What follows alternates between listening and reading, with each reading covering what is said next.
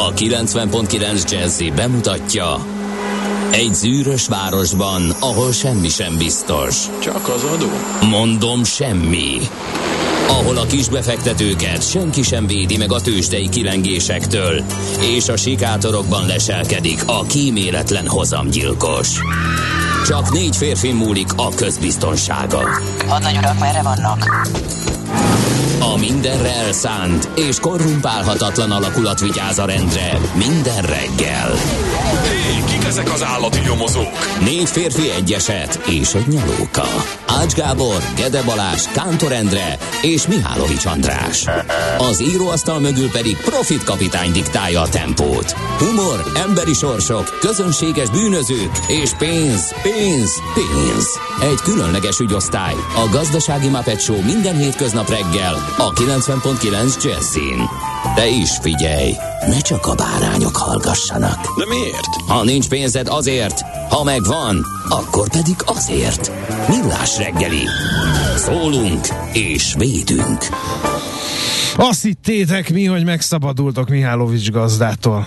De nem. Hát dolgoztunk rajta, de Igen. eh, nem Engem nem lehet elnémítani. Nem. Hiába De csináltak. néhány napra. Se. A, az, de hogy nem, az sikerül.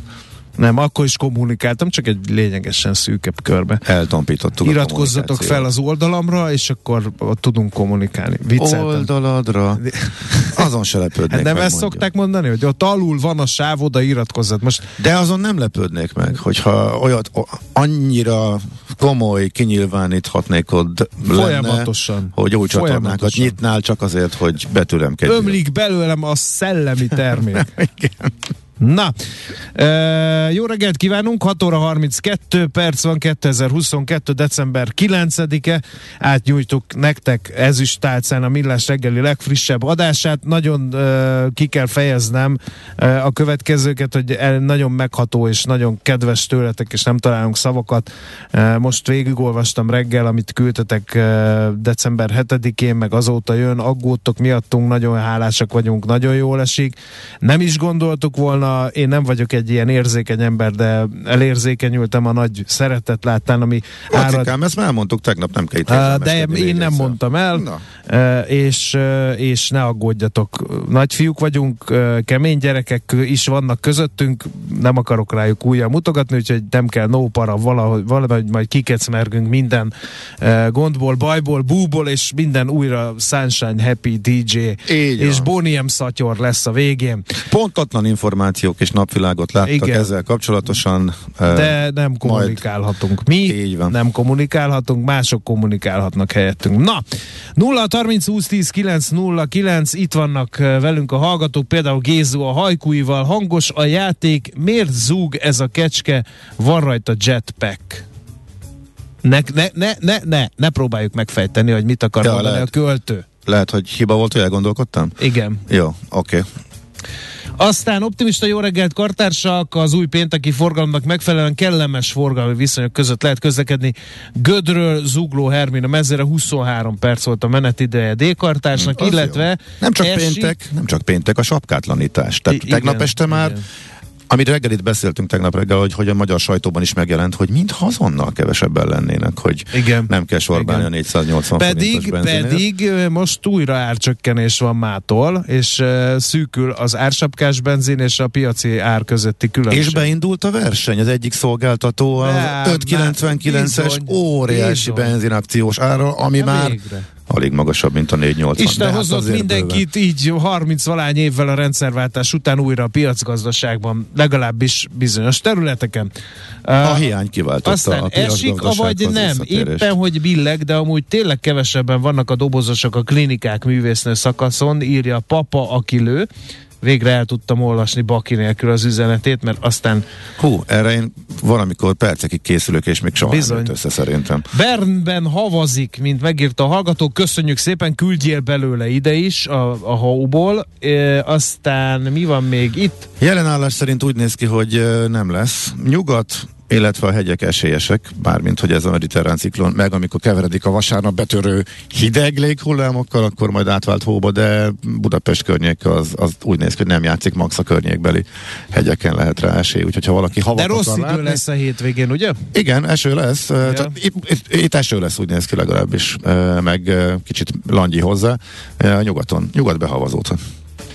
Aztán tudjátok, ja végre gazdagkor egy gazdag reggel lesz, csatát, de sokat ír a Zsolt hallgató. Hát az a baj Zsolt, és akkor erre készüljünk fel lelkiekben, hogy, hogy télvíz idején pihentek a fegyverek a történelemben. Nem ideális eset ez, néhány üdítő kivételtől eltekintve, mint Zirínyi Miklós téli hadjárata, vagy az Ardeneki offenzíva a tél a hadviselésre, úgyhogy most egy kicsit nélkülözni kell.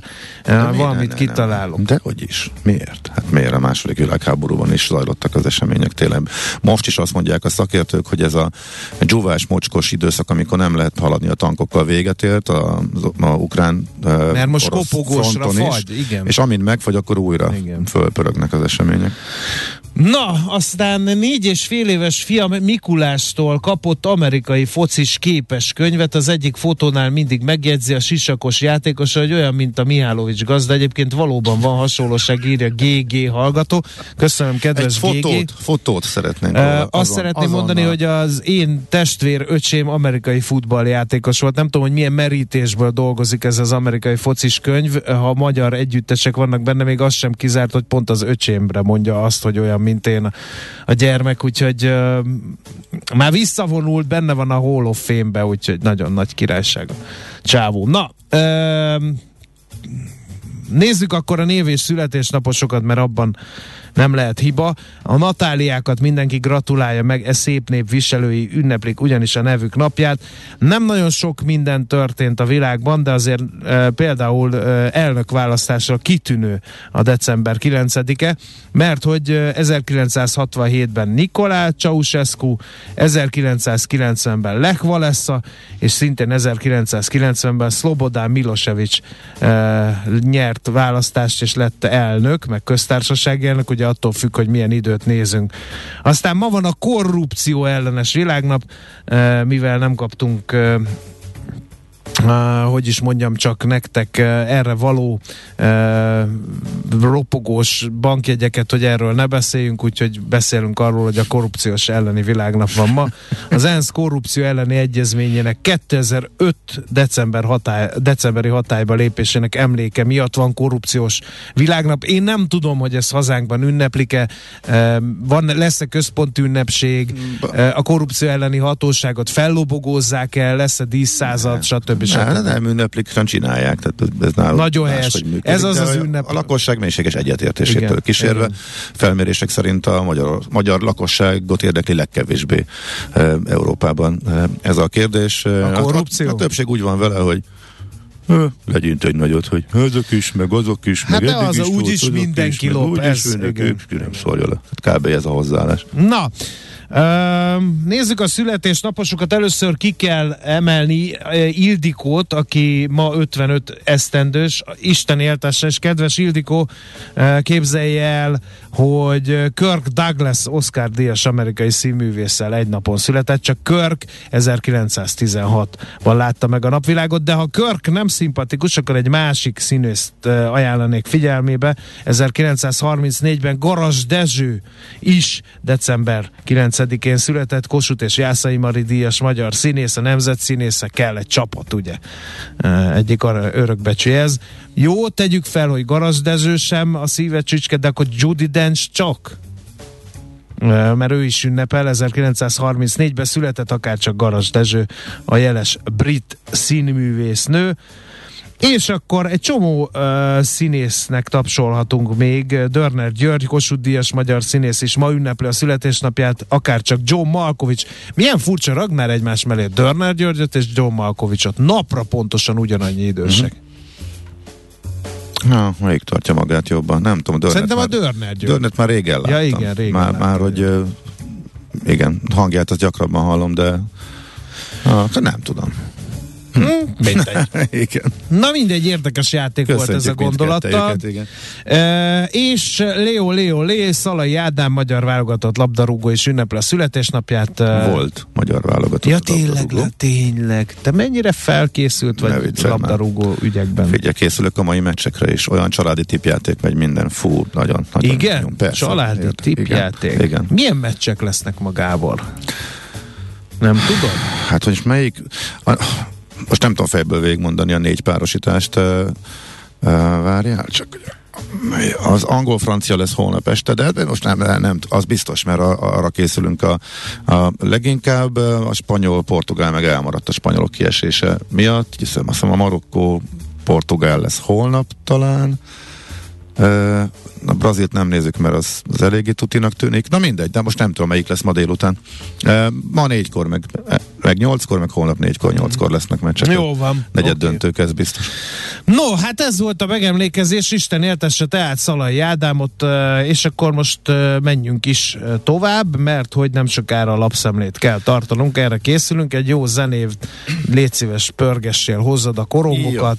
Jó. Eh, Annyit, mit hogyha szoktak valaki- még mondani? Pörgettem, hozom, Uh, már ez, hogy beteszek Nem egy jó tudom. zenét, az már nagyon pronyó, nem? Ne, de, de, meg nem, meg ne, nem tudunk ilyen régi DJ-s Mert nem vagyunk régi szövegeket csinálni, DJ. meg régi dj Annyit még, hogy jön az eső, tehát ez most teljesen egyértelmű, e, elég rápillantani a radarképre, itt nem az van, hogy hol pattan ki, itt pattan ki, hol képződik. Ez jön, e, nagyjából délnyugatról észak-kelet felé harad egy jó, brutális csapadékzóna, Fehérvár ért el, a Dunai város délről, és közelíti a főváros, nagyjából egy fél óra, óra múlva elkezd majd esni, és jó sok órán keresztül elég intenzíven e, esni fog a fővárosban. Ennyit tudunk.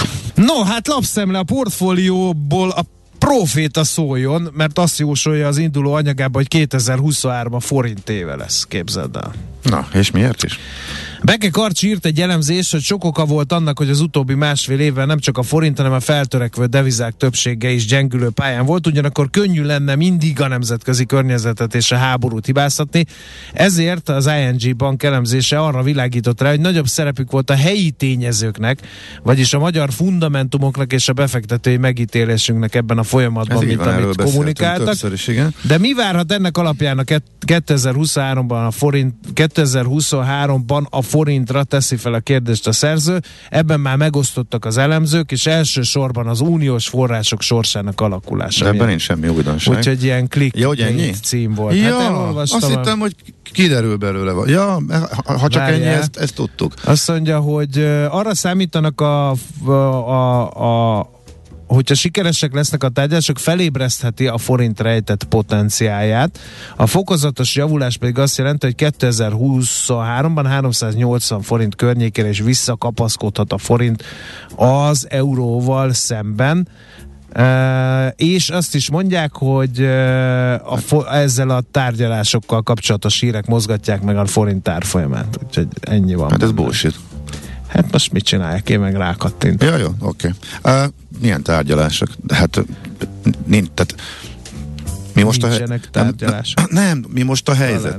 Tehát most az, hogy éppen most milyen irányba dől ez, hogy most mennyit fagyasztanak, nem fagyasztanak, igazából mi a lényeg? A lényeg az az, hogy akármi is lesz most a deal, és fagyasztás lesz, örök pénzvesztés, nem most a decemberi harcok, most idézőben mondom, tehát az unió és a magyar kormány közötti háttércsaták és nyílt színi csaták eredményeképpen, attól az még az már eldőlt, és az teljesen biztos, hogy csak nagyon szigorú feltételek teljesítése esetén engedik ki ezeket a lefagyasztott pénzeket.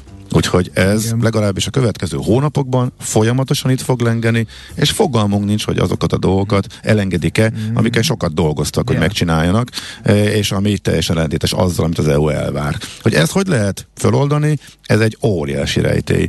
Úgyhogy innen, innentől, amikor valaki azt mondja, hogy hát az uniós pénzek, hát az igazából nem egy nagy mondás. És sok, sok jelentősége vagy értelme nincsen. Na! Majd a konkrét vállalások teljesülése, meg hogy erre mennyit keménykedik még az Unió, hát az lesz az érdekes, de tavaszig, vagy, vagy kora nyárig úgy tűnik, hogy egy büdös fillért nem Jó, kapunk legalábbis egy- most ez a helyzet. Akkor egy novum, a QR kódos azonnali átutalások és a fizetési kérelmek esetében megszűnik a tranzakciós illeték. Ez is portfólió információ. Ezzel szeretnék lendületet adni. Adjál, ez fontos, igen. Igen. Az idei évre vonatkozóan jelentéktelen illetékre van szó, ám az azonnali fizetési rendszerre épülő fizetések szélesebb körű elterjedéséhez működőképes üzleti modell kell már egy megoldás bevezetése előtt is. Ebben segít, hogy illetékmentesek ezek a tranzakciók, írja megint csak a portfólió.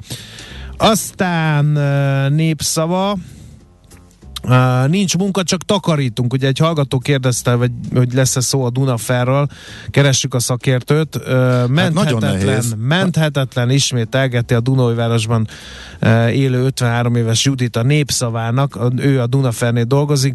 30 Dunajvárosival beszélt a lap, hogy látnak esélyt a Dunafer megmenekülésére, csak egy ember volt, aki reménykedett. A Dunai Vesmérek azonnali 12 milliárdos támogatásra lenne szüksége, különben a jövő héten újraindíthatatlanul leáll. Pintér Tamás jobbikos polgármester továbbította az igényt a kormányhoz, hiába a térség kormánypárti parlamenti képviselői sem mentek el a válság megbeszélésre.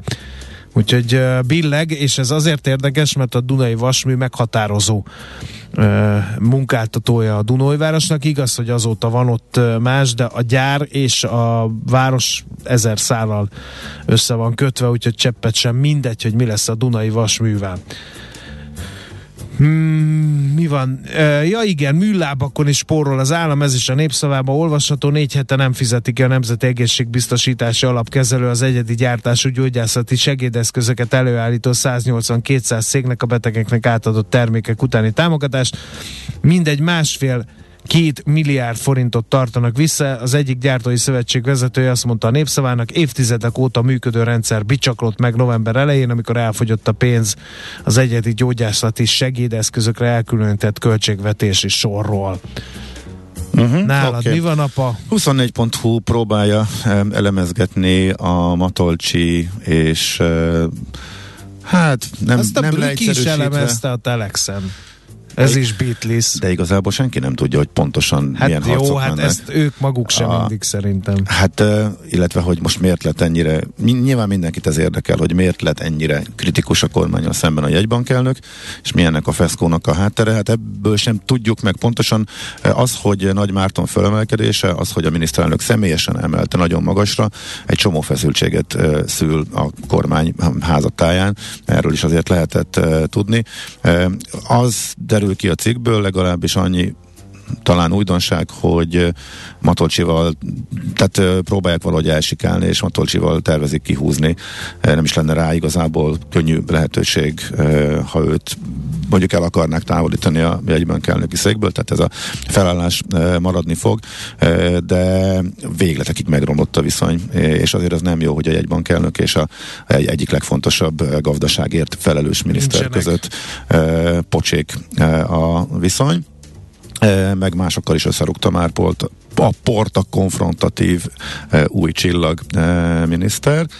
És még várjál, mi volt? Még volt, volt mond egy mondat. Egy e, idéznék akkor még belőle ebben a csatában egy Matolcsel vesztésre. A lap szerint igaz az, amit írtak a lapok rögtön másnap, hogy szerette volna a jegybank elnök bebetonizni magát, és úgy módosítatni egy banktörvényt, hogy az ő mandátumát meg lehessen hosszabbítani. Ezt az MNB azonnal cáfolta, amikor a világgazdaság erről írt, és valahogy üzenet is, hogy kegyvesztetté válhat, érkezett hozzá.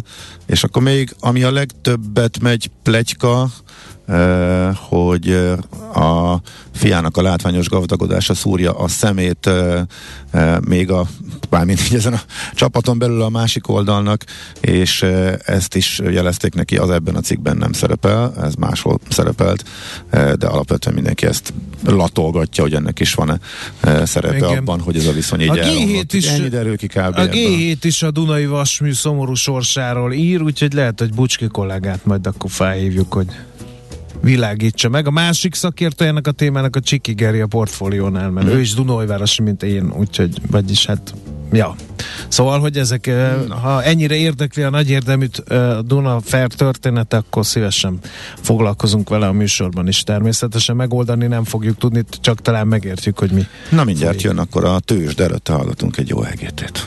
Hol zárt? Hol nyit? Mi a sztori? Mit mutat a csárt? Piacok, árfolyamok, forgalom a világ vezető parketjein és Budapesten. Tősdei helyzetkép következik.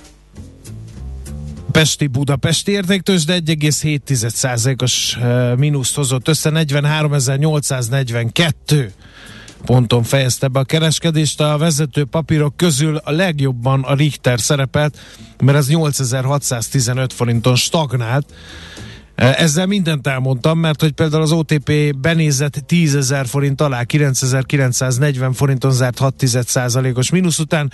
A MOL azt nagyon megütötték, 5,4%-os volt a mínusz a tegnapi kereskedésén abban az olajrészénél, 2598 Eh, forintig. Hát nyilván a piac nem fogadta jól, hogy eh, elvonják a teljes profitját. A, a piac számolt azzal, hogy elvonják a profitját, a 95%-kal nem számolt, Igen. legalábbis ezt mondták tegnap a szakértők. Igen. Kicsit furcsa volt, miután hetek óta beszélünk arról, hogy az ásapkának nyilván vége lesz, mert a hiány kikényszeríti.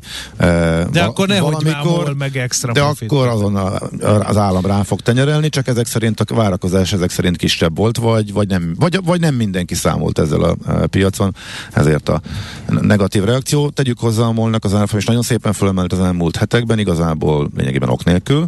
E, valószínűleg az ország megítélése javult, kicsit ahogy úgy tűnt, hogy az uniós tárgyalások jó irányba mennek, nem tudjuk. Egy egész tőzsdén jó hangulat volt, ugye ebből adott vissza hirtelen.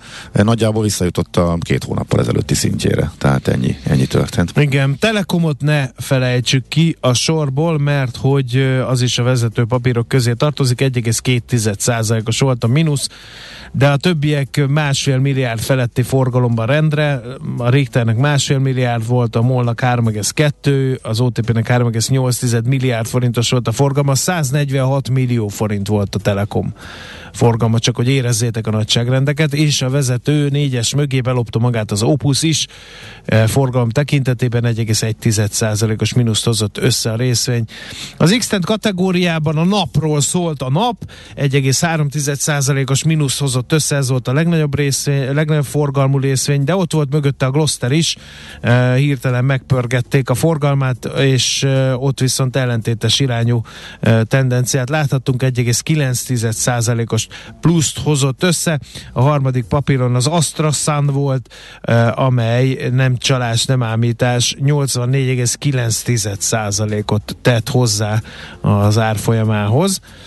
Eh, és még egyet mondok, kettő lesz belőle, e, még a Naturland két és fél százaléka e, ide kívánkozik. Na nézzük, hogy mi volt e, eközben e, külföldön Gáborkám, arról is szakértsenetek csak a morról. Egy kicsit fölfelé ment Amerika, ez végül is egy fölfele korrekciónak tekinthető, mert hogy december elég rosszul kezdődött.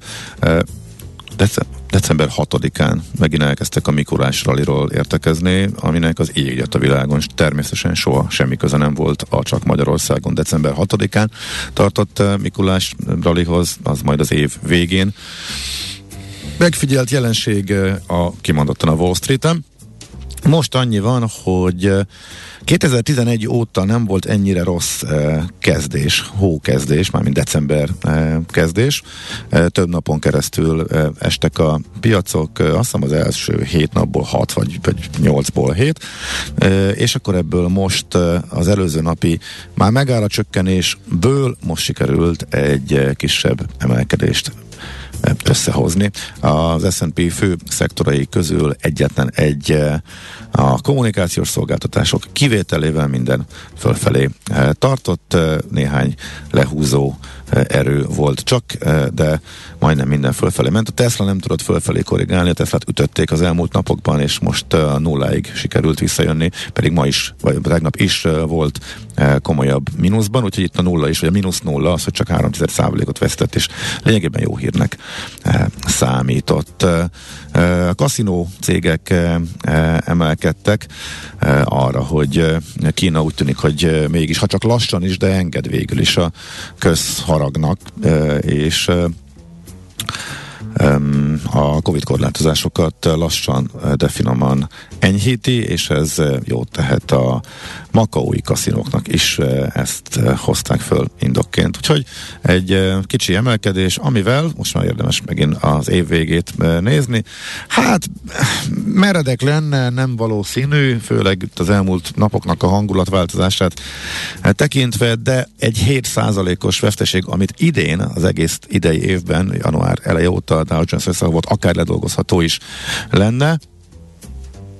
Értem a célzás. Mialovics András elkezdte kavarni a kásáját. Így van. Finoman jelezte. Nézd már az órára, hogy légy 7 órás, szíves. hogy a 7 órás Madár hírek, kollégától ne raboljuk ezt. nem, jó, teljesen jogos. Végül is csak a mondatnak a második fele volt há- hátra, bocsánat. de miután már elfelejtettem, hogy mi volt az első fele, akkor, kaszinó akkor, cégek. akkor Az tény- tényleg így ér véget ez a tőzsdei jelentés. Tőzsdei helyzetkép hangzott el a Millás reggeliben. Eszmény Janett hírei jönnek, ez remek alkalmat teremt arra, hogy megreggelizzünk, és kíváncsian várjuk, hogy az irodaházban mikor indul be a fűtés. E, Nincs videó, de e, azért elmondom, hogy Ács Gábor tollkabátban ül itt. E, Annyira fázik. E, Én is felvettem a pulóveremet, ami, ami jelzi, ná- hogy ami- komoly a- problémák Ami jelzi, vannak. hogy 13 fok alá Igen. süllyedtünk. Igen. A reggeli rohanásban könnyű szemtől szembe kerülni egy túl szépnek tűnő ajánlattal. Az eredmény krétával körberajzolt tetemes összeg. A tethelyen a gazdasági helyszínelők, a ravasz, az agy és két füles csésze és fejvállalakzat. A lehetetlen küldetés megfejteni a Fibonacci kódot. A jutalom egy bögre rossz kávé és egy olyan hozamgörbe, amilyet még Alonso Mosley sem látott. Millás reggeli, a 90.9 Jazzy Rádió gazdasági mapetsója. Vigyázat! Van rá engedélyünk! A Millás reggeli fő támogatója a Schiller Flotta KFT. Schiller Flotta and Rent a Car. A mobilitási megoldások szakértője a Schiller Autó családtagja. Autók szeretettel. Jó reggelt kívánunk, 7 óra 14 perckor folytatódik a Millás reggel itt a 90.9 Jazzy Rádió Nács Gáborral. És Mihálovics András. 0 30 20 10 909 SMS, WhatsApp és Viber számunk is ez a hallgatók üzeneteiből tallozunk. Az ács megtollasodott? De már mikor? De már mikor? Deviza és részvénypiaci manőverekből évtizedek Jaj. óta. Ő csak levezetni jár a rádióba, nem kell. Ő neki nincs szüksége pénzre már. Ebből is látszik, hogy magángéppel röpköd ide-oda, és azt kamúzza nektek, hogy eh, 3000 forintért vette a jegyet, de ez nem így van. Most Ott parkol a privát jet. Majd elmondom, ha leb, 453, ezt kell figyelni Ferihegyen. Ez az ács. Azt mondja, hogy uh, miért nincs millás videó most, írja Pétinger, jó reggelt kívánunk, uh, jó sok ideje nincs millás uh, videó, technikai problémák miatt, és nem valószínű, hogy egy hamar lesz, de dolgozunk az ügyön. Illetve a hallgató megijed, most olvasom vége a millás reggelinek, ezt így ebben a formában határozottan cáfolnám. Lenin-nel kapcsolatos idézetet citálnék, millás reggeli élt, millás reggeli él, a millás reggeli élni is fog. Pontatlan információk szivárogtak ki a sajtóba ezzel kapcsolatosan, úgyhogy amint majd lehetőségünk lesz rá, akkor pontosabbat is el fogunk tudni Igen. mondani ezzel kapcsolatosan. Csapataink harcban állnak, a millás reggeli a helyén van. Ezt kell tudnotok. És ezt most nem viccből mondtuk. Na, nézzünk ki kis közlekedést. A játék után. A szerencse fia vagy? Esetleg a szerencse lánya? Hogy kiderüljön, másra nincs szükséged, mint a helyes válaszra. Játék következik. A heti nyereményünk egy két főre szóló exkluzív vacsora Huszár Krisztián séf fogásaival a Show Restaurant Bar and Café felajánlásában. Mai kérdésünk, melyik az a főzési eljárás, amikor légmentesen lezárt tasakban lévő ételt vízfürdőben állandó hőmérsékleten tartva készítjük el? A. A blansírozás? B. A redukálás, vagy C. A szuvidálás? Na de figyeljünk oda, hova kell küldeni a megfejtést, mert aki nem jó helyre küldi, az nem vesz részt. D a nincs? játék- Zacskózás? Nincs. Akkor maradjunk az ABC-nél. A helyes megfejtéseket ma délután 16 óráig várjuk a játékkukac jazzy.hu e-mail címre. Kedvezzem ma neked a szerencse! Budapest legfrissebb közlekedési hírei itt a 90.9 jazz Baleset történt kettő helyen is a fővárosban, sajnos az egyik a Nagyszőlős utcában befelé a Budaörsi út után a külső sávban, illetve egy a határúton is az Ülő út felé a Nagykörösi útnál. Mindenki nagyon figyeljen oda, nyálkás, csúszós, párás, ködös az idő, és hamarosan Ács kollega szerint, aki házi leveli békánk egy nagy befőttes üvegben, eh, az eső is meg fog érkezni a fővárosba. Amint kivilágosodik, de azt is nagyon nem akar. Valaki lekapcsolta a villanyt, úgyhogy eh, pocsék idő lesz ma ez a lényeg. Budapest, Budapest, te csodás! Hírek, információk, érdekességek, események Budapestről és környékéről. No kérem, uh hogyha semmi nem változik, akkor veszélybe kerül az önkormányzati közszolgáltatások működtetése. Erre már tavaly felhívta a figyelmet Kisambrus főpolgármester helyettes. A jövő évi kilátásokról beszélt a népszavában e, korábban, és ezt annyival egészítette ki, hogy a bizonytalan működése alapra még az háború és az energiaválság is rátett. E, azt mondta, hogy e, uh, még a nyáron, hogy három lap van az asztalon. Ha legalább az egyiket sikerül megjátszani, akkor Budapest elkerülhette a technikai csődöt. Az állami közlekedési normatíva 12 milliárdos lapját már felfordították, hiszen a támogatási szerződést már aláírták, de a pénz még nem érkezett meg. A másik két lappal ennyire se jutottunk, mondta ő. A beruházási hitelkérelmet a kormány nem hagyta jóvá, holott ha megtenné, az aláírt kontraktusok révén rögtön leívható lenne 32 milliárd forintos kölcsönből a likviditáshoz szükséges rész. Ebből ebből már valójában elköltöttünk 14 milliárdot a futó állami uniós forrásokkal nem fedezett beruházásokra, ilyenek például az útfelújítások, a szociális intézmények korszerűsítési munkái. A 14 milliárdos BKV és energiakompenzációs igényre sem érkezett válasz a kormányzattól, a Lánchíd rekonstrukciójára ígért 6 milliárdos támogatást sem utalta a kormány, holott azt ígérték, hogy fizetni fognak. Ennek ellenére még a főváros ki fogja fizetni a hídfelújítás két utolsó számlájának egy részét is. A folyószámla egyenleg most pluszban van, de a BKV-nak hamarosan utalni kell 22 milliárdot, hogy fizetni tudja az energiaszámlákat és a munkabért, e, és Budapest mindezek alapján e, úgy az várható, hogy 15-20 milliárdos mínusszal zárja az idei évet, és innen indulja, indítja majd az újat. Továbbra sem lesz pénz 2023-ban az utak, hidak, ivóvízhálózat rekonstrukciójára, erre nehezedik rá az energiaár illetve a mostani költségvetés arra lesz jó, hogy elindulhassunk, de azt nem látni, meddig jutunk el, fogalmazott kis Ambrus. Azt mondja, hogy gyorsabb lesz a regisztráció, mikor megbüntet az ellenőr, fantasztikus digitális fejlesztésről értestette a közöle, mint a BKK, majd mellékelt az oldalán. Ehhez kapcsolódóan egy olyan fényképet, amin a metró lejáratnál áldogáló ellenőrök ácslognak, akik nyilván nem használják ezt az új rendszert, mert ők nem büntetnek, ők egyszerűen nem engednek le, hogyha valakitnél nem találnak érvényes utazási okmányt. Most azokról van szó a bejelentésben, akik már a járművökön, ha jól értem, ellenőriznek, mert ott már, hogyha elkapnak, akkor bünti van. A lényeg az, hogy hasonlóképpen, mint ahogy a reptereken, az átengedő kapoknál az új, modern iratokkal rendelkező, tehát elszemélyével, illetve útlevéllel rendelkező eh, blitzmenek, most csak a belga kifejezés jutott eszembe, azokra, akik elkaptak, hogy nincsen érvényes jegyük vagy bérletük, szóval őket csak simán egy eszköz segítségével beszkennelik, és már lehet, az egész lehet ember? perkálni. Ja, természetesen nem az egész ja. ember.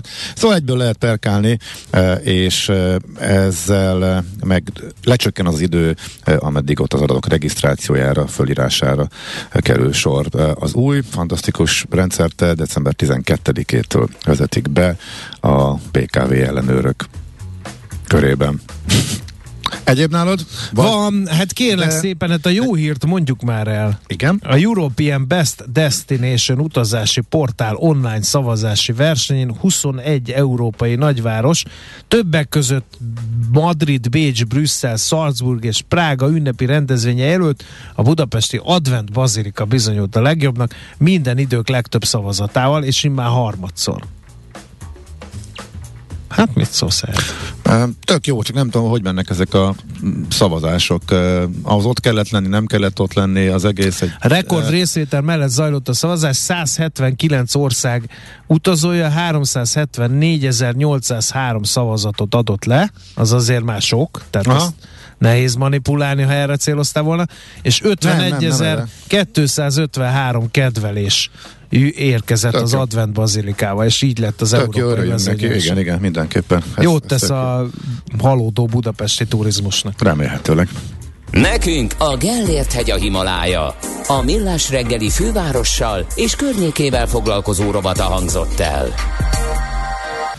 No, hát ha valaki követi a makrogazdasági híreket, az lehet, hogy kicsit ráncolja a szemöldökét, de biztosan nem boldog, mert hogy ugye láttuk az inflációs adatot, láttuk, hogy két hónapos mélypontjára került a forint, felborult a külkermérleg, elszabadult a költségvetési hiány. Még az iparról is rossz hírek. Még az iparról is jó rossz hírek jönnek. Dunaferről beszéltünk, ugye, hogy lehet, hogy végleg be kell zárni, stb. stb. Közben jönnek a hírek a minimál béremelésről, ami ilyen 15%-ot mondanak. Ugye beszéltünk az árbérspiráról, hogy hát ez az még, csak, az még csak infláció simán, sőt még alatta. És hol van még a benzinársapka kivezetésének hatása? Szóval most akkor ez ilyen válságban természetes és máshol is jellemző jelenség, vagy komoly gondok vannak, felmerülhet a kérdés, és hogy ezt próbáljuk akkor körbejárni Madár Istvánnal, a Portfolio.hu vezető elemzőjével. Szervusz, jó reggelt! Sziasztok, jó reggelt kívánok! Feltűnően nyugodt a hangod, akkor szerintem nincs nagy baj. Kialudtam magam. Ja, igen. Na, örülünk, tök jó. Na, szóval nem jók ezek a makroadatok, és az a kérdés, hogy ez válsághatás, és máshol is kicsit rossz a helyzet, vagy ez ilyen magyar specifikusság, és, és fel kell kötni azt a bizonyost, hogy túlcsónakázunk ezen valahogyan. Hát mindkettő, ugye azt itt is már sokszor beszéltük, hogy alapvetően a magyar gazdaságot a két dolog nyomasztja. Az egyik ugye az sok más mellett, de két, két nagyon karakteres. Az egyik az, hogy nagyon-nagyon erősen üt meg minket az energiaválság, ami azt jelenti, hogy egy év alatt 20-10 milliárd eurót így kiszippant a gazdaságból energiaimport számla keretében.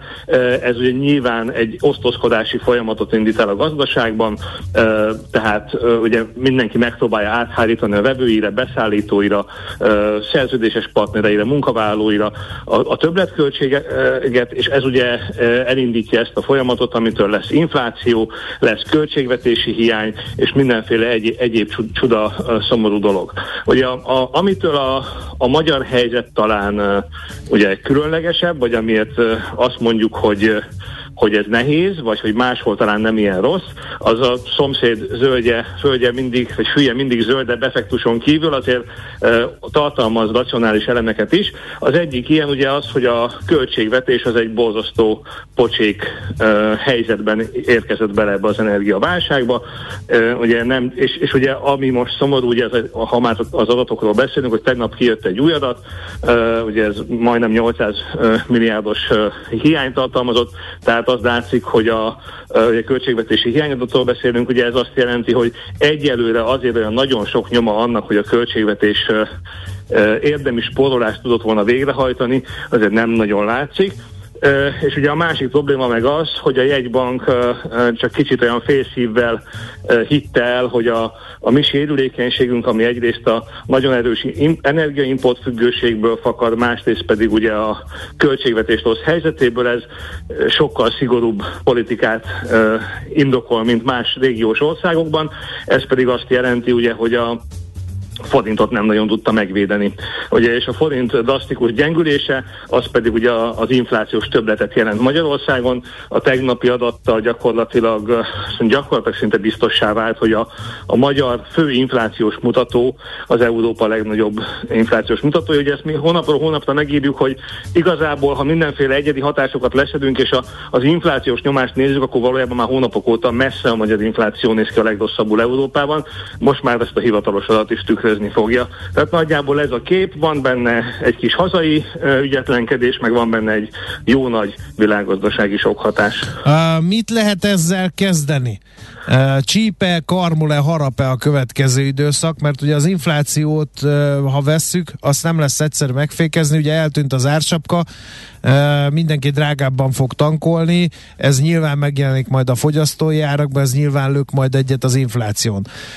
Nagy kérdés, mi lesz a költségvetési hiánya, mert ugye az, hogy drágul a, például a tankolás, most mondok egy példát, az jó az államnak, mert hogy az vele együtt a jövedék adóbevételek meg az áfa bevételek nőnek. Kivetettek a móra egy 95%-os extra profit adót, úgyhogy szemlátomás gyűjtik, gyűjtik a forrásokat. Hát gyűjtik, és kell is gyűjteni, mert a 2023-as év még így sem néz ki jól, tehát ott még, még mi azt gondoljuk, hogy 1000 milliárd forintos uh, nagyságrendű lesz a kiigazítás, amit még végre kell hajtani ahhoz, hogy a, a hiánycélt teljesítse a kormányzat. Tehát va, va, csíp karmol harap, ahogy te mondtad. Nem arról van szó, hogy itt egy ilyen uh, fizetőképtelenségig fajuló durva nagy válság lenne Magyarországon, ugye ezt gyorsan azért tisztázunk, de ugye a megelőző időszakban azért viszonylag jó növekedés, folyamatos béremelkedés jellemezte Magyarországot alacsony inflációval, a munkahelyekért se kellett nagyon aggódni, ugye e, ehhez hozzájárult azért pár olyan dolog, ami a, a jövőt emésztette föl, például ugye a, a, ez a high pressure economy és ezzel, ezzel kapcsolatos ugye erős élénkítésből fakadó egyensúlyromlás, de azért összességében nem nézett ki ez annyira rosszul még. Ugye most, most kiderült, hogy pont addigra sikerült azért teljesen elgurítani a pöttyöst a gazdaságpolitikában, amikor egy ilyen szép nagy sok hatás meg is büntetett érte minket. Úgyhogy, úgyhogy azt gondolom, hogy nyilván minden az energiárakon múlik, mert az rendkívül volatilis. Ha az rendeződik, akkor nyilván sokkal-sokkal kevesebb bajunk lenne, mint, mint így, de mivel nem nagyon látszik, hogy rövid távon rendeződne, ezért gyakorlatilag egy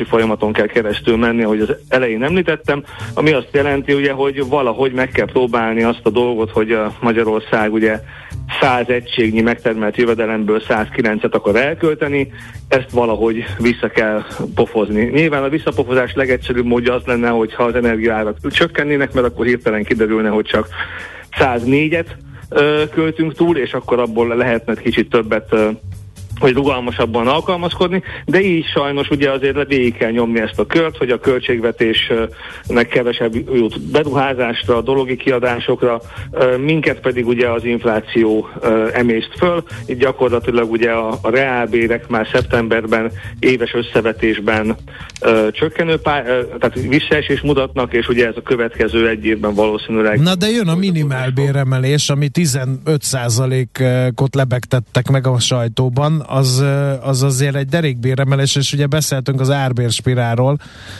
ami hagyta az inflációt, emiatt te nem aggódsz annyira? Hát de nyilván, mivel hogy ugye az látszik, hogy a magyar inflációt nem csak az energiaválság fűti, ahogy beszéltük, hanem Aha. a forint gyengülése, bizonyos árakba beépülő adóemelések, most már látszik, hogy a várakozások is eldurrantak, ugye a, a választási költekezés szintén nagyon rosszat tett az inflációs uh, környezetnek, és ez ugye mind-mind összességében egymásra rakódva azért egy elég komoly inflációs problémát okoz. Gyakorlatilag hónapról hónapra magasabb az inflációs mutató annál, mint amiben reménykedünk. Ugye most éppen egy fél százalékponttal volt magasabb. Persze most már magas az infláció is, úgy tűnik, mintha elmenne a mosásban, de azért az elemzők nem szoktak ekkorákat tévedni. Ugye 22%-ot vártak, 22 és fél lett. Ez, mi, ez miből jött ki? Mit, mit néztek be leginkább? Tehát miből adódott ez hát a különbség? Igazából, igazából mindent. Tehát, hogy nincsen ilyen, ugye most már azért, amikor nem, nem 0,1 meg, meg 2 közötti inflációs mutatókat kell tippelgetni, akkor nyilván ö, könnyebben lehet ö, hibázni. Ö, nem volt olyan egyetlen nagy meglepetés az infláció szerkezetében, ami ezt megmagyarázná, egyszerűen minden rosszabbul néz ki. Nyilván alapvetően az élelmiszerre lehet fogni, hiszen az nagyon durván emelkedik, de erre számítottak is a, az elemzők. Valószínűleg ezt is egy kicsit alulmérték, uh-huh. hogy az infláció mennyit, ö, ö, mennyit emelkedhet még az, az élelmiszeráraknál. Ugye ott most már közel az átlagos inflációs 50%-hoz uh-huh.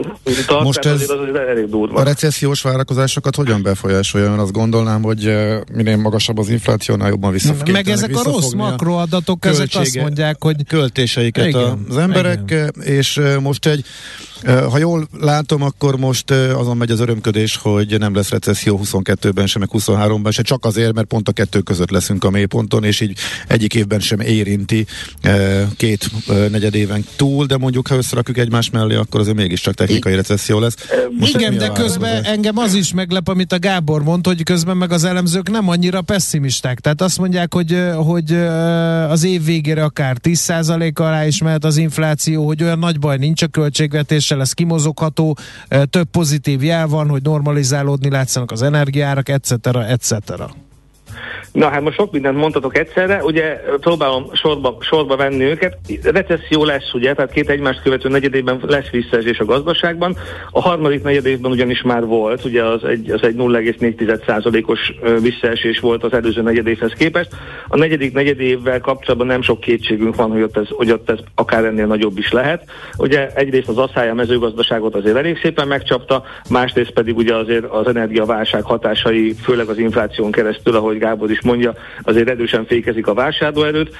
Ugye az ipar sem néz már ki annyira jól, a, legalábbis rosszul kezdte negyed évet egy, egy 3,5 százalékos eséssel negyedéves vagy havi alapon, ugye októberre, tehát az azért ne, nem indul olyan nagyon jól a, a ez az év, ugye közben elkezdve ez a negyed év, amiben már mi benne vagyunk, de statisztikailag még csak most kezdjük el látni róla az első adatokat, és ugye ezért azt gondoljuk, hogy ez a negyedik negyed év ez akár nagyobb, nagyobb gazdasági visszaesést is hozhat, tehát akkor már megvan a recesszió, és a következő év is valószínűleg valami hasonlóval fog indulni. Ott nyilván a béremelések valamit segítenek, de hát ugye az, az a pénztárcákban majd inkább februárban jelenik csak meg, tehát a január még mindig eléggé ö, szűkös lesz, és valóban igaz az, hogy itt van egy ilyen komoly dilemma. Egyébként, ez ugye ez az intellektuális kérdés, ez így, ez így az egész világra érvényes, hogy kell-e ahhoz recessziót csinálni egy országba, hogy eltüntessük a, az inflációt. Tehát kell-e akkor a megszorítást, keresletszűkítést végrehajtani, például a jövedelempolitikán keresztül, tehát a béreken keresztül, hogy az inflációt levigye. Én azt gondolom, hogy Magyarországon a, a gazdaságpolitika erősen növekedéspárti, ezért én nekem a félelmem az inflációval kapcsolatban az, hogy valóban lesz egy szép nagy béremelés, ami nyilván mindenkinek jó, hiszen ö, nem eszi meg annyira az infláció a bért, viszont cserébe lehetőséget teremt további nagy béremelésekre, és a költségsokkok elnyelése helyett az infláció emelésén, az árak emelésén keresztül zajlik le az alkalmazkodás, ami nyilván nem jelent összességében majd nagyobb reálbérnövekedést, de az emberek egy kicsit megnyugodhatnak, ha nagyobb béremelést kapnak az év elején. Ugye ez, ez mindenhol egy hálátlan dolog, hogy amikor kiszabadul az infláció a palackból, akkor sajnos annak az ára, hogy ezt visszatuszkoljuk, az azért sajnos a gazdaság visszaesését szokta nagyon gyakran okozni. Ezt mi sem fogjuk tudni elkerülni. Mondom, nekem az az érzésem, hogy, hogy a gazdaságpolitika is inkább növekedés orientált annyira, hogy el fogja nézni inkább a magasabb inflációt, azért cserébe, hogy egy, hogy egy kicsivel magasabb legyen a, a, a GDP növekedési szám, ami ettől még természetesen jövőre nem lesz magas, leginkább most ugye azon megy a vita, hogy vagy inkább csak gondolkodás, hogy az éves átlagos növekedés az, az mínuszos lesz-e, vagy az év második felében javul annyira a környezet, hogy esetleg ott már a növekedés beindulhat, és akkor az megmenti a, a, az éves átlagos mutatót, és egy kicsit pluszba lesz. Uh, ez nyilván az idei 4% fölötti 5%-ot közelítő, vagy akár azt meghaladó éves átlagos növekedéshez képest azért egy érdemi fékezést jelent. Hát nem, nem egy szép, szép dolog ez, de ami, ami tényleg jó hír, és amit itt mondhatok ti is, hogy azért senki nincs pánikba esve, tehát azért az nem látszik, hogy itt ilyen óriási mély, a, mondjuk a pénzügyi válság, 2008-9-es pénzügyi válság, vagy pedig a, a koronavírus válság első sokjához hasonló gazdasági visszaesés várna ránk. Ennél sokkal rugalmasabban lehet alkalmazkodni, nem fagytak be a pénzügyi piacok, működik az ország, csak éppen ö, mm. sajnos ezt a békát ezt le kell nyelni, és ez egy jó nagy Aha. béka. Egy nagyon-nagyon rövid kérdés. Ezek szerint, mert hogy most eh, kimagasló magas lesz az infláció decemberben, az a miniszterelnöki elvárás, hogy jövő év végére egy számjegyű, akkor a magas bázishatás ezt segíti, akkor ez eh, szerinted is összejöhet, ugye mondjuk december-december viszonylatában, hogy akkor az infláció... Így, így van. Így van, ahogy mondod, ugye, hogy tulajdonképpen kicsit komikus módon ez a mostani eltörlés a üzemanyagástopnak is segít ebbe. Jó magas lesz, közelítheti a 25%-ot a decemberi inflációs mutató, és ugye ez nyilván azt is jelenti, hogy mivel itt már magasabb az árszint, az üzemanyag árszint is, amikor decemberben ehhez kívül, decemberben ehhez kell hasonlítani, akkor egy magasabb bázishoz képest tudunk leesni. Ezért azt gondolom, hogy az összejöhet, ugye most az alappálya az mindenkinek a fejében az, hogy az év eleje az még azért ilyen 20%-os infláció körül fog karcolni. Nagy kérdés, hogy a januárban elinduló áramév hoz-e még egy újabb áremelési hullámot Magyarországon. Ugye azért nagyon sokan most fogják megkapni az 5-7-szeres áramszámlájukat a vállalkozások. És akkor utána jön az a, az a kérdés, hogy elindul-e rendesen a dezinfláció annak uh, mentén, hogy itt azért talán azért az energiárak se fognak újra elszállni, illetve ami még fontosabb, ugye amiről beszéltünk, hogy bizony a reálbér az negatív lesz, még az évelei jelentős béremelésekkel együtt is, és ez a negatív reálbér, ez, ez fékezi -e annyira az inflációt, tehát gátat szab az áremelési törekvéseknek annyira, hogy visszaveri ezeket a nagyon magas inflációs várakozásokat, és akkor uh, tud, tud uh, valóban egy számegyre csökkenni az infláció. Most mindenki azt gondolja, hogy ez egy reális kép, ugye amikor ezt a miniszterelnök bejelentette, akkor gyakorlatilag cégként megfogalmazta, akkor ez volt a konszenzusos előrejelzés is, tehát hogy valamikor az ősz folyamán, bár ezt most már inkább ősz végére, mint ősz elejére gondolják, az elemzők valóban 10% alá fog tudni csökkenni az infláció.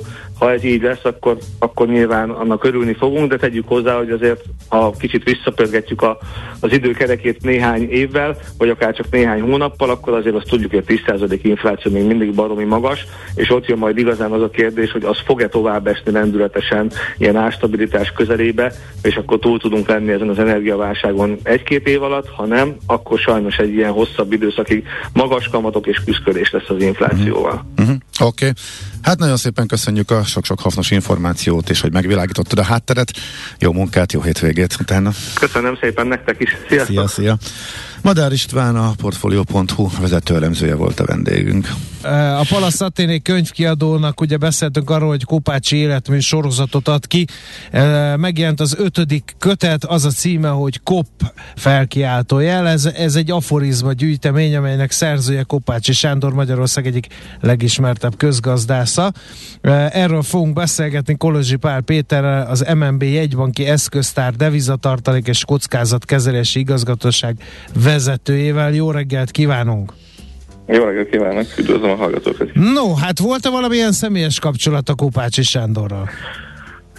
Volt szerencsém, igen, találkozni vele személyesen is, hogy ez azért egy érdekes dolog, mert én régebről nem ismertem volna őt, de nagyon sokáig élt, ugye 99 éves korában halt meg, és nagyon aktív volt még az élete utolsó szakaszában is. Ami azt jelentette, hogy ha valakinek nem volt hozzá egyéb kötődés, akkor is össze lehetett vele futni különböző konferenciákon, vándorgyűléseken, ugye közösségi vándorgyűlésnek mindig egy ilyen meghatározó figurája volt, és én is így találkoztam vele, és így ismerkedtem meg vele személyesen is, és több ilyen beszélgetésem is volt vele szerencsére, még, még tudtam uh-huh. sokat beszélni személyesen is. Mit lehet tudni a könyvben szereplő aforizmákról? Ugye említette, hogy elég szép kort ért meg Kopácsi Sándor. Mikor születtek ezek az aforizmák? Hát ő ezeket a 60-as években kezdte el írogatni, amikor már az állami vezetés különböző szintjein dolgozott, és ugye deklaráltan úgy írta őket, hogy miközben a, nem mindig a legérdekesebb uh, meetingeken ült, bár akkor nyilván nem meetingnek hívták még, akkor papírra vetett egy gondolatot. Szóval az a 60-as évek, 70-es évek, 80-as éveknek a, a termése, de nagyon aktuális ma is. Hát épp ezt akartam kérdezni, hogyha ebbe a korba születtek, akkor mennyiben fogalmaznak meg örökérvényű igazságokat? Hát mindenkinek azt javaslom, hogy forgassa majd a könyvet, de meglepő lesz a, a, a tapasztalat, mert nagyon nekünk szóló dolgok vannak benne. Ugye ő úgy magyarázza, hogy az emberek nem sokat változtak a utóbbi, hát most évtizedekben, de lehet, hogy évszázadokban se. Ugye az alapvető emberi tulajdonságok azok, azok ugyanúgy ma is jellemzőek, vagy nem jellemzőek egyesekre. Tehát hogy miről szólnak ezek az aforizmák? Szólnak a tehetségről, a tehetségtelenségről, emberi kapcsolatokról, nagy alapigazságokról, hogy hogyan kell az életben eligazodni. Ezek valószínűleg nem változtak olyan radikálisan az utóbbi év. Tehát nem, tehát nem annyira gazdasági jellegűek, főleg nem Igen. hardcore Közga, ugye egy jeles közgazdászról van szó, akkor gazdasági aforizmák, társadalompolitikai aforizmák, vagy így általános életbölcsességek, vagy mind a három? sokféle dolog van benne. Vannak benne gazdaságpolitikaiak is. Azt kell mondjam, hogy abból is nagyon sokat lehet még ma is tanulni, mert az, ott is azért az alapok nem változtak. Nyilván a gazdasági rendszer más, de például az, hogy hogyan viszonyulnak problémákhoz a gazdaságpolitikusok, az lehet, hogy nem mindig ö, változik olyan nagyon nagy mértékben.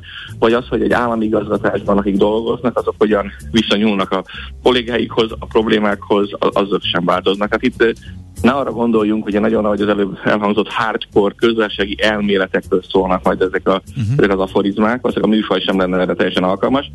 Sokkal inkább arról szól, hogy akit érdekelnek a társadalmi gazdasági kérdések, és aznak a softabb részei is, hogy így fogalmazzak, azok tudnak itt ö, érdekes gondolatokat Hát, felcsipegetni. mondjunk példát. Igen, nem? de, de, de vá- még egy kicsit mielőtt a konkrét példát kvázi csinálóként, hogy azért Kopácsi Sándornak a, a kijelentésein, korá, akik ismerik a munkásságát, azok tudják, hogy, hogy azért sokan megbotránkoztak eh, ezeken.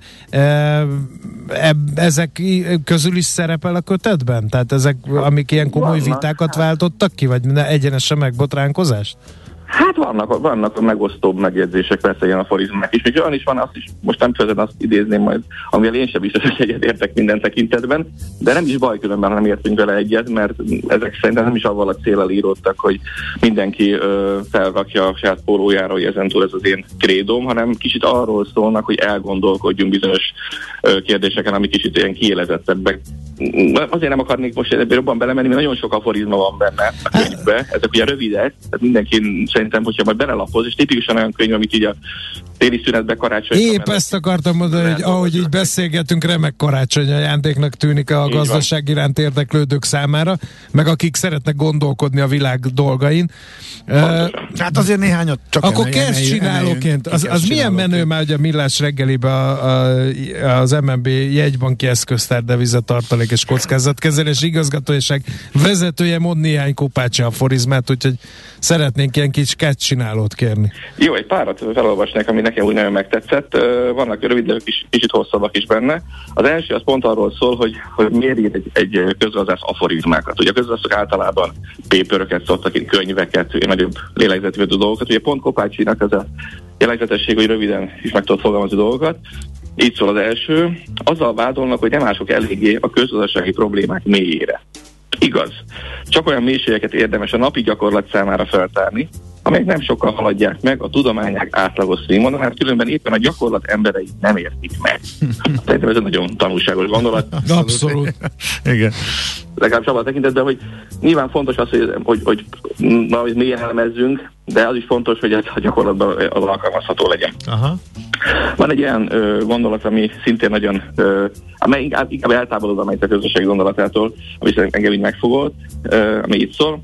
Az, hogy ki milyen sokra fogra vinni, abba, akkor mérheted fel, amikor látod veresége után visszavonulni. Ez mm-hmm. minden nap életben sokszor Bizony. tapasztalható gondolat. amit És ez egy kitűnő példa, hogy nem csak gazdasági, meg társadalom, politikai és mély veretes dolgai Így van. vannak, hanem egy igazi gondolkodóról van szó. Így van, abban abba hirtelen eszembe jutott egy másik, ami most az, az azért tudom nagyon gyorsan fejből idézni, mert az nagyon rövid, ez így szól, ami szintén a munkahelyi viszonyaimat szerintem sokszor visszaköszönöm, hogy érezhetjük, és munkra is talán észreveszhetjük, az így szól, hogy akit nem fúr senki, azt nem is érdemes. Ez szerintem nagyon frappáns gondolat. gondolat. Nyilván mutatja, hogy Kabácsi Sándor sok évtizedet eltöltött azért bürokratikus intézményekben, ahol ennél mélyebb következtetés azért sokszor nem is lehet levonni.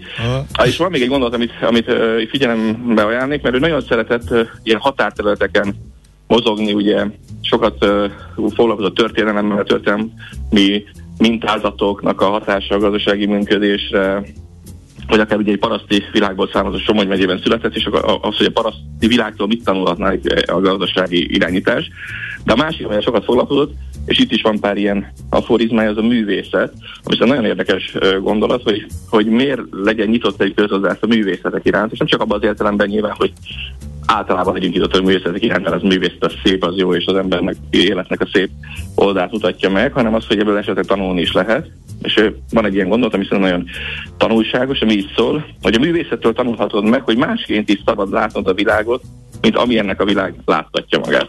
Ez szerintem nagyon uh-huh. előremutató. Igen. Főleg Igen. abban az időszakban, amit, amit most élünk, hogy és azt érezzük, hogy, az, hogy eddig láttuk a világot, akár közgazdaságilag, akár általában, az, az talán kicsit így finomításra szorul, mert eltolódtak benne a hangsúlyok, és hogyha egy új szemüveget veszünk föl, az lehet, hogy nagyon, nagyon hasznos tud lenni, és ebben tudnak segíteni a művészetek. Nekem is van egy régi kedvencem egyébként Kopács és Sándortól, az valahogy úgy hangzik, hogy a viharban kanóc légy ne gyertya, vagy valami ilyesmi, nem tudom, hogy pontosan idézem-e. Ez is igen, egy nagyon igen. elgondolkodtató. Tehát, hogy nem, nem ilyen nagy gazdasági megfejtések, nem társadalmi mozgásoknak a, a megfejtései vannak, hanem tényleg elgondolkodtató, és hogy hallottuk, néha nagyon vicces aforizmák is. Úgyhogy nagyon szépen köszönjük ezt a könyvajánlót, remek uh, ajándéktip karácsonyra uh, szerintem sok helyre. Köszönöm szépen még egyszer Köszönöm a beszélgetést. Viszont hallásra! Viszont hallásra, szép napot! Kolozsi Pál Péterrel, az MNB jegybanki eszköztár és devizatartalék és kockázatkezelési igazgatóság vezetőivel tartottunk könyvejállót annak kapcsán, hogy megjelent Kopácsi Sándor Kop című könyve. Mi a pénteki konklúzió? A hét legfontosabb eseményeinek és adatainak tükrében. Zárjuk a pozikat és pihenjünk rá a hétvégére. Milyen események hatnak a piacra a hétfői nyitásban? Devizák, részvények, tőke és árupiacok. Heti események és jövő heti felkészülés. Értékpercek. A millás reggeli treasury rovata következik. No, uh, André Borbára van a vonal túlsó végén, az OTP Global Markets üzlet kötője. Szervusz, jó reggelt kívánunk! Sziasztok, jó reggelt, üdvözlöm a hallgatókat! Hát makroadatokban azért nem volt hiány a héten, hogyan sikerültek ezek, mit lehet ezekből kiolvasni, meg egy kicsit beszéljünk a jegybanki devizatartalékról is, ami azért fontos, mert ugye most az energiahordozókért devizában fizetünk, és ez cseppet sem mindegy, hogy mennyi tartalékunk van. Meg az erre adott reakció. Meg a, igen, igen. igen. Igen, hát heti eseményekről összességében azt mondható el, hogy a forintnak nem igazán kedveztek. A hét elején megjelenő hírek és makroadatok tulajdonképpen mind elmaradtak a, a várakozástól, és ezzel megalapozták a negatív hangulatot sajnos.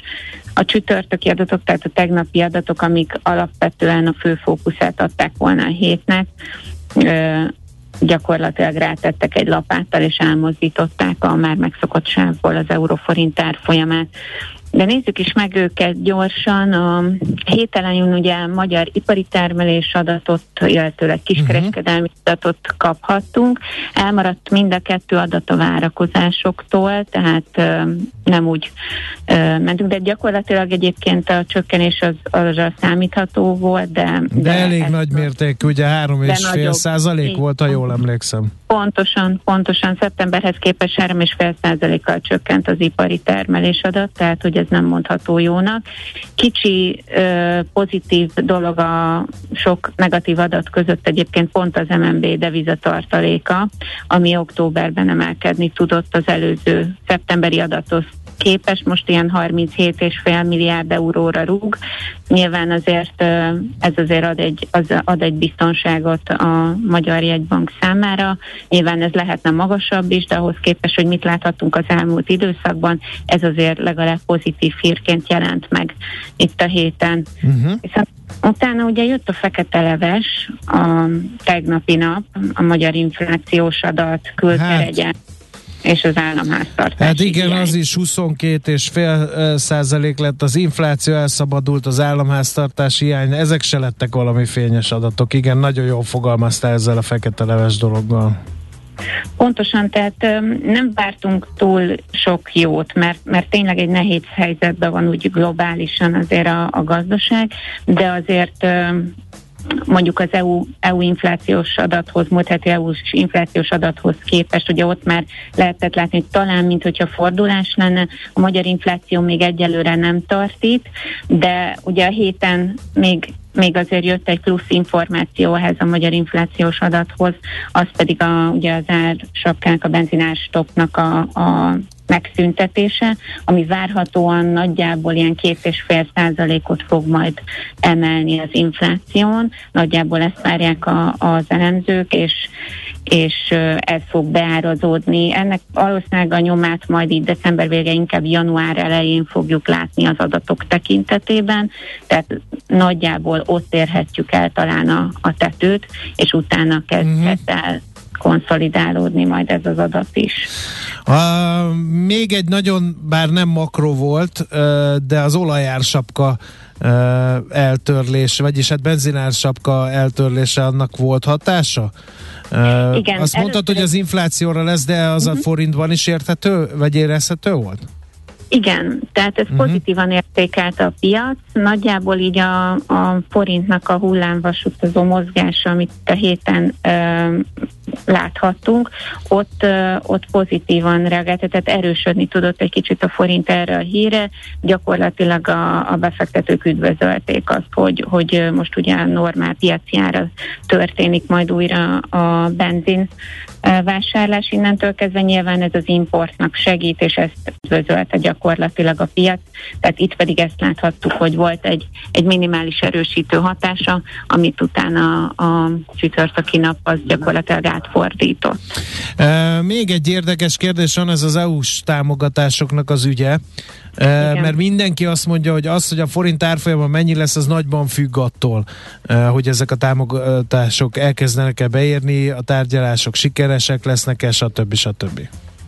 Igen, itt, itt gyakorlatilag ugye a bizottság, az már az EU bizottság megtette a javaslatát, de még végleges döntést nem láthattunk, tehát a tanács, az ECOFIN még egyelőre nem döntött a csomagról, ez a csomag egyébként együtt tárgyalódik a, az ukrán támogatással, illetőleg a minimális társasági adóval az EU-ban.